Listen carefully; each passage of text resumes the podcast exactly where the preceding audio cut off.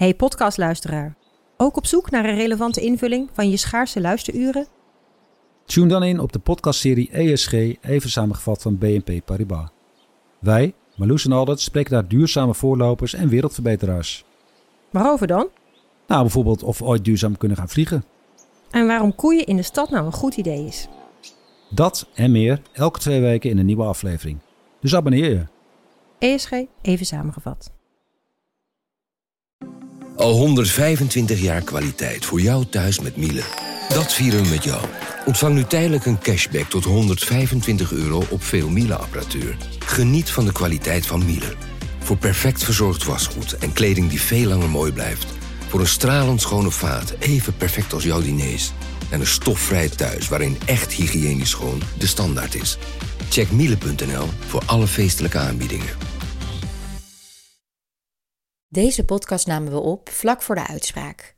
Die kwam na vier uur juryoverleg onverwacht snel.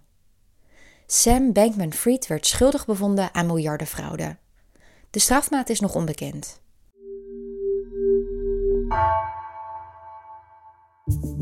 Vanaf de redactie van NRC het verhaal van vandaag. Mijn naam is Gabriella Ader.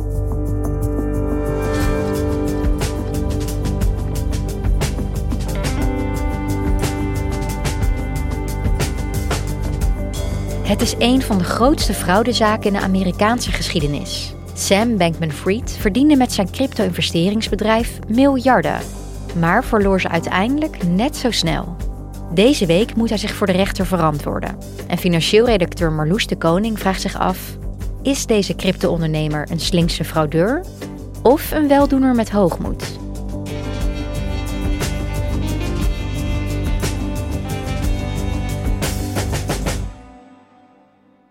Deze week was de afronding van de behandeling van wat wel de grootste Amerikaanse fraudezaak in decennia wordt genoemd. In de VS is het strafproces tegen Sam Bankman-Fried begonnen. Die draait om één persoon eigenlijk. De crypto-ondernemer wordt verdacht van megafraude. The 31-year-old is facing criminal fraud charges. He could face decades in prison on federal charges including wire fraud and money laundering. Deze week werd Sam Bankman-Fried, die eigenlijk beter bekend staat, online in ieder geval en in de cryptogemeenschappen als SBF, de afkorting van zijn naam, ook zijn Twitter-handle, die werd deze week voorgeleid en zelf gehoord. En dat was eigenlijk de afronding en ook het hoogtepunt in die rechtszaak die een aantal uh, weken heeft geduurd. Sam Bankman-Fried is back on the witness stand. This is the third and final time he has admitted to making mistakes when it came to the company, but denies ever defrauding anyone or taking customers' funds. Ja, en Marloes, waar precies wordt deze uh, Sam Bankman-Fried, die ik nu ook maar gewoon SBF ga noemen, waar wordt hij nou precies van verdacht? Ja, er zijn zeven verschillende aanklachten, maar eigenlijk als je het samenvat, dan komt het gewoon neer op uh, fraude en diefstal. Dus hij had een enorm groot cryptobedrijf waar klanten konden handelen. En om dat te doen stalde zij geld bij dat bedrijf. En dat geld heeft hij ook gebruikt voor een ander bedrijf van hem, zonder daar eerlijk over te zijn. Dus hij deed net alsof dat geld veilig stond bij zijn ene bedrijf. Maar hij gebruikte het, is de beschuldiging, via een achterdeurtje om uh, gaten te dichten bij een ander bedrijf. Het is een fascinerende rechtszaak. Doordat die staat voor heel veel wat in de cryptowereld is gebeurd. Maar ook doordat de vraag die er de hele tijd boven blijft hangen eigenlijk is van hebben we hier nou te maken met een slinkse fraudeur die mensen miljarden heeft afgetroggeld en dat ook van plan was? Of hebben we hier te maken met iemand die eigenlijk goede intenties had, maar die het enorm boven het hoofd is gegroeid en die veel te veel risico's is gaan nemen, waardoor het misging? Marloes, jij doet veel onderzoek naar crypto. Ik weet er eerlijk gezegd niet zo heel veel van. Wil je mij even meenemen door die cryptowereld? Ja, dat is denk ik ook wel, wel relevant hier. Uh, we zullen niet helemaal de technische diepte ingaan, maar het is Fijn. wel. ja. Maar crypto is digitaal geld waar geen instantie achter zit. Dus als ik even een tegenstelling maak. In de wereld zoals wij die kennen heb je een centrale bank die geld uitgeeft. En wij vertrouwen dat geld omdat we die centrale bank vertrouwen en omdat we onze overheid vertrouwen. En in de crypto-wereld is dat helemaal zonder dat soort instanties. Dus op basis van natuurkunde zou je kunnen zeggen, wordt vastgesteld of een transactie echt is gedaan. En dat maakt het mogelijk om wereldwijd, mondiaal, transacties te doen. En dus ook zonder wisselkoersen, zonder dat je via een bank hoeft. Dus je kunt gewoon thuis achter je computer met iemand aan, weet ik veel waar ter wereld, handelen. Zonder dat je daar iets anders voor nodig hebt dan die computers en die internetverbinding. En dat heeft ervoor gezorgd dat er heel veel handel is ontstaan in dingen die je dus nou, aan elkaar kunt geven, waar je transacties in kunt doen. En die dingen die kun je bedenken. Het bekendste voorbeeld is de Bitcoin, laten we die maar noemen, maar er zijn nog heel veel andere. En wat er gebeurd is, is dat aanvankelijk uh, dat echt gewoon iets was voor nerds. Weet je wel, voor, voor computerwetenschappers, kleine uh, groepjes ICT-studenten die dat interessant vinden. En wat je ziet is dat eigenlijk vooral in 2017 bij het grotere publiek duidelijk wordt van hey, crypto is iets. Uh, je kunt er geld mee verdienen en dat heel veel mensen dat ook willen. En de koersen stijgen dan ook heel erg. En dat is ook een jaar waarin uh, heel veel ondernemers denken van hé, hey, hier kan ik geld mee verdienen. Ik stap erin, ik richt iets op. En dat doet Sam Bankman-Fried dus ook.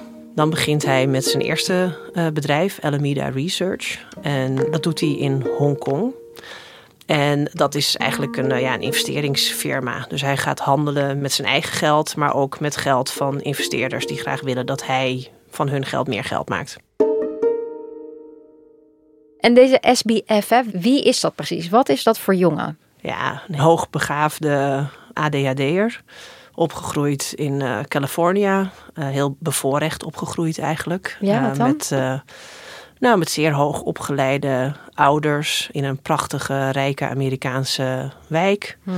Dus weet je, extreem slim, extreem goed in uh, dingen als ze maar met getallen, met ratio ook vooral te maken hebben. Dus was heel goed in bepaalde soorten games, maar heel slecht in het aangaan van relaties en niet empathisch. En uh, mijn collega Stijn Bronswaar, waarmee ik veel over dit onderwerp uh, schrijf, die sprak een ex-werknemer van Sam Bankman-Fried, een softwareontwikkelaar, Aditya Bharatwa, die zijn baan bij Google eigenlijk had opgegeven om voor SBF te gaan werken. The first time I met Sam was my first day on the job um, as an engineer at Alameda Research. I guess the first thing I saw him do was playing some game while also taking a call with someone, which, um, you know, if you read a little bit about Sam, uh, that's something that he was known for. You know, he seemed like a pretty unassuming person. He talked a lot about, you know, effective altruism for what the company could eventually become.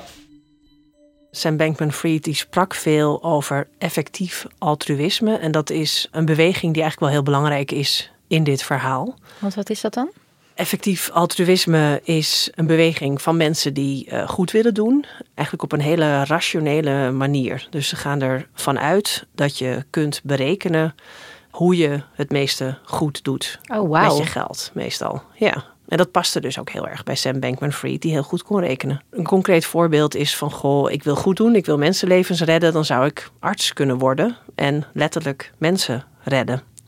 Maar wat je ook zou kunnen doen, en wat wellicht veel effectiever is, is heel erg veel geld verdienen, zodat jij honderd andere mensen kunt betalen, hun opleiding, om arts te worden, waarna zij mensenlevens redden. Dat is dan eigenlijk veel ja. effectiever. Nou, je kunt al raden wat de redenatie van Sam Bankman-Fried was. Die dacht, hè, niemand zit erop te wachten dat ik arts word. Daar liggen niet mijn talenten. Maar ik ben wel supergoed in, in wiskunde, in kansberekening en daardoor eigenlijk ook in uh, geld verdienen. Laat ik dat gaan doen en laat ik dat geld weggeven. In the end, my goal is to do as much good as I can for the world. I, I'm part of an effective altruism community. Basically, it's a group of people looking to try and figure out if you want to maximize the amount of good you do, maximize the positive impact that you can have on the world. Je zegt al van hij is goed in geld verdienen. Hoe is hij zo bizar rijk geworden? Ja, hij begon eigenlijk gewoon op Wall Street, met name met opties. En daar was hij ontzettend goed in. Dus als begin twintiger verdiende hij al tonnen. Maar hij was dus intussen ook aanhanger van die beweging. Hij geloofde in dat effectief altruïsme. En hij zag die opkomst van die crypto's. En hij dacht, ja, ik kan nog veel sneller, nog veel meer geld verdienen. Dus toen hij die gedachte eenmaal had, is hij voor zichzelf begonnen. En eigenlijk met een aantal mensen die hij kende uit die beweging van dat effectief altruïsme, heeft hij zijn eerste bedrijf opgezet, Alameda Research. En wat deed het bedrijf ook alweer precies? Ja, Speculeren. investeren, speculeren. Ja, oké. Ehm, ja, en toen? Nou, dat ging goed. Maar om te handelen waren ze eigenlijk nog afhankelijk van andere beurzen. Dus als zij zeg maar geld verdienden door eh, crypto's eh, ergens te kopen en weer te verkopen, dan moesten ze dat nog via een andere partij doen. Dus al vrij snel dachten ze van hé, hey, wacht even, we kunnen ook zelf zo'n beurs oprichten. Dan houden we die marges zeg maar, die daarop uh, worden verdiend ook in eigen zak. En dat werd FTX, het bedrijf dat het bekendste is geworden. After its launch, FTX attracted major investments from Silicon Valley and Wall Street. You know, we'd raised a few billion dollars over the course of the last couple of years and we're a profitable business. It grew into the fourth largest cryptocurrency exchange for derivatives trading. I'm getting into crypto. With FTX. You in? It's FTX. It's a safe and easy way to get into crypto. Yeah, I don't think so. Ja, want als we het hebben over zijn bedrijf, hè, hoeveel ging er eigenlijk in om? Hoeveel geld werd erin verdiend? Ja, dat hangt er een beetje vanaf uh, op welk moment je kijkt. Op de topdagen, dus uh, wanneer het meeste verhandeld werd, dan ging dat uh, om zo'n 20 miljard dollar per dag. Zo. En dat bedrijf is ontzettend snel gegroeid. Dus het is in 2019 opgericht. Toen had nog niemand ervan gehoord. In 2020 eigenlijk ook niet. Maar 2021 was een topjaar voor crypto. We zeggen het jaar van de goudkoorts van de koers die door het dak gingen. Iedereen wilde een graantje meepikken en daar profiteerde FTX ontzettend van. Dus uh, in dat jaar zijn de inkomsten met duizend procent gestegen. Dat soort percentages heb je het ook over. En er gingen gewoon miljarden Zo. in om. Ja, en 2021 is ook het jaar waarin hij eigenlijk bekend werd. Want daarvoor had niemand gehoord van die twintiger uit Californië met zijn vage crypto-business. Maar opeens was hij een van de rijkste mensen ter wereld onder de 30. Weet je, stond hij met zijn hoofd op de cover van tijdschriften. Eigenaar van een miljardenconcern, waarin uh, durfkapitalisten ook, weet je, die stonden te trappelen om daarin te investeren. Hij werd gezien als een soort van uh, Mark Zuckerberg.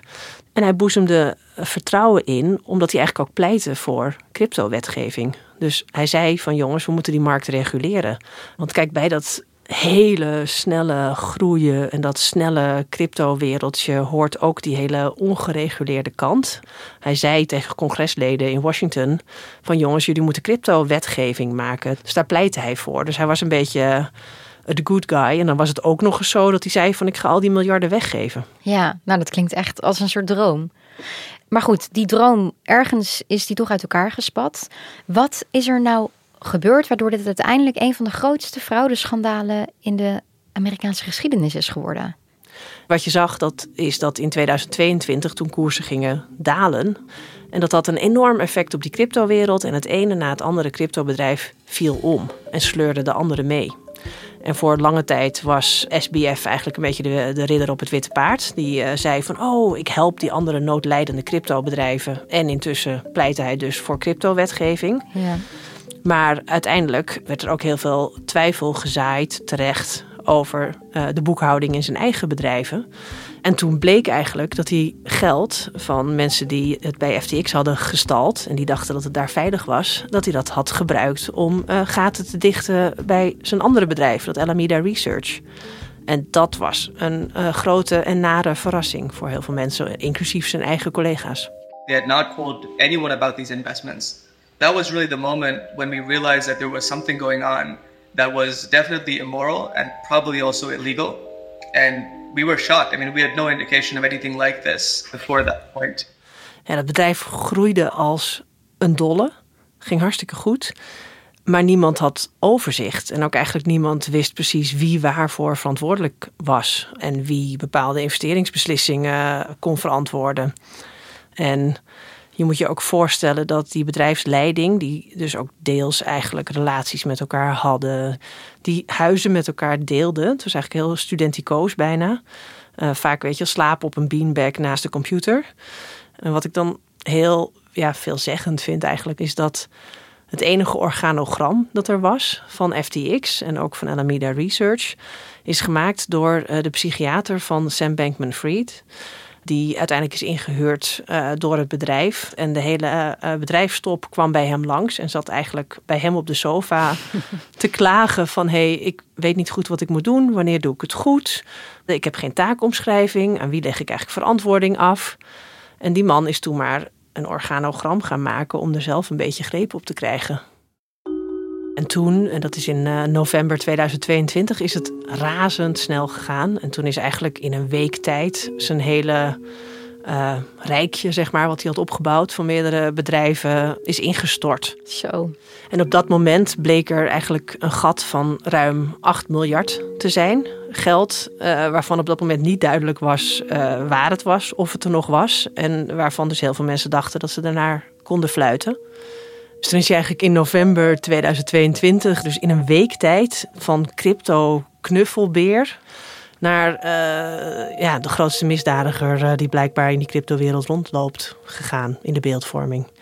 En uh, niet veel later is Sam Bankman-Fried dus ook gearresteerd en uitgeleverd aan de Verenigde Staten, waar hij nu terecht staat.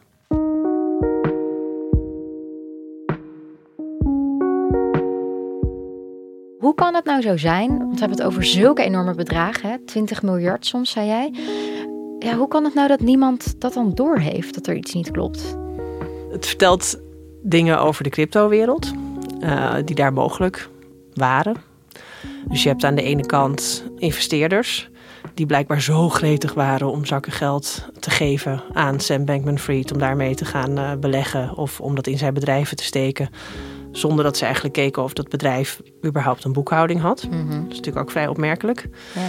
Maar het zegt ook veel over de ongereguleerdheid. Want ik vertelde al, crypto is jong, crypto is nieuw. Ja, er was een tijd van het Wilde Westen. Iedereen wilde geld verdienen en de regelgeving was er nog helemaal niet. Dus iedereen uh, deed maar wat. Mhm.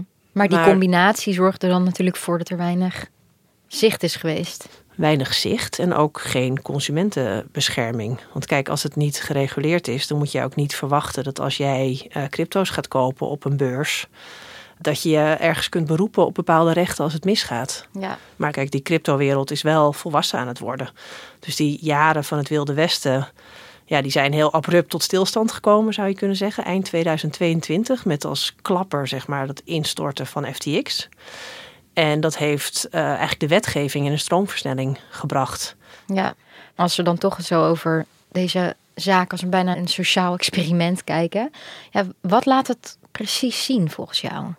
Wat ik interessant vind, is dat er eigenlijk twee werelden op elkaar botsen. Dus een hele jonge, snelle, digitale wereld eh, waarin ontzettend veel geld omging. Ja, dat ook. Eh, en waar eigenlijk ook een beetje werd neergekeken, denk ik toch wel, op eh, de oude gereguleerde wereld. Weet je wel, die saaie, stoffige bankiers met Stroperig. een stroperig. Dus die twee werelden, die botsen op elkaar. En nu zie je natuurlijk heel erg dat die oude wereld, de wereld van de regels, de rechtbanken, de accountants, de overhand heeft. Daar eh, moet eh, Sam Bankman-Fried zich eh, verantwoorden, niet in een van de virtueel universum. Nee. Want uiteindelijk zijn er natuurlijk toch heel veel mensen. Is er heel veel echt geld, wat voor echte mensen ook echt iets betekent, erin gestoken. En deels kwijtgemaakt. We zijn inmiddels een jaar verder, hè? een jaar na de val van FTX. Wat is er verder nu gebeurd? Nou, er is vooral gezocht naar die vermiste 8 miljard dollar. Ruim 7 miljard is inmiddels eh, teruggevonden. En daarnaast is ook nog grappig, want hij investeerde ook nou ja, in alles wat los en vast zat. Eh, maar dat deed hij ook nog wel redelijk. Dus er is ook bijvoorbeeld één eh, AI-bedrijf, eigenlijk de grootste concurrent van OpenAI, waar hij heel vroeg in geïnvesteerd heeft. En dat is nu heel veel geld waard. Dus waarschijnlijk krijgen ja, die klanten van hem hun geld uiteindelijk wel terug. Als we nu teruggaan naar Sam Bankman-Fried, wat denk jij? Was het nou een slinkse fraudeur of gewoon toch een jongen die probeerde om iets goeds te doen en gewoon een enorm risico heeft gelopen? Ja, ik weet het niet. En ik denk dat het er uiteindelijk ook eigenlijk niet zoveel toe doet. Want je kunt allemaal geweldige intenties hebben en daarover praten. En die zitten in je hoofd en dat klinkt mooi. Maar uiteindelijk zijn het je daden waarop je afgerekend wordt. En dat geldt voor hem dus ook. These were probably well intentioned people who made some terrible decisions, extremely risky decisions. I think we need to really be a bit more careful with uh, people who we trust. Ja, en het is natuurlijk ook een moeilijke vraag, maar Denk je dat de rechtszaak ons misschien wat uitsluitsel daarover kan geven? De uitspraak die laat nog wel een paar maanden op zich wachten. Het is nu uh, de jury die uh, moet gaan nadenken. Ik verwacht eigenlijk wel dat hij veroordeeld gaat worden. Uh, en dat komt voornamelijk doordat een aantal andere hoofdpersonen in dit verhaal, waaronder de directeur van het Alameda Research, ook zijn voormalige minnares, die hebben een schikking getroffen met de aanklagers en die wijzen allemaal unaniem naar hem. En dat doen ze dus eigenlijk ook, zo werkt het in Amerika, in ruil voor strafvermindering voor hunzelf. En dat maakt het ja, heel moeilijk voor hem. Dankjewel Marloes. Graag gedaan.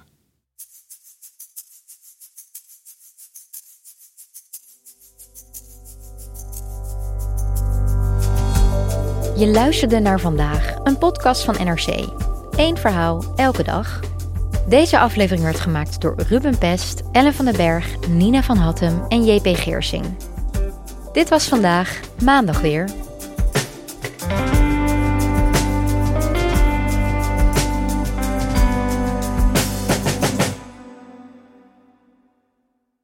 Voorkom dat je vermogen verdampt op je bankrekening. Beleg bij Bridgefund in kortlopende leningen aan Nederlandse MKB'ers.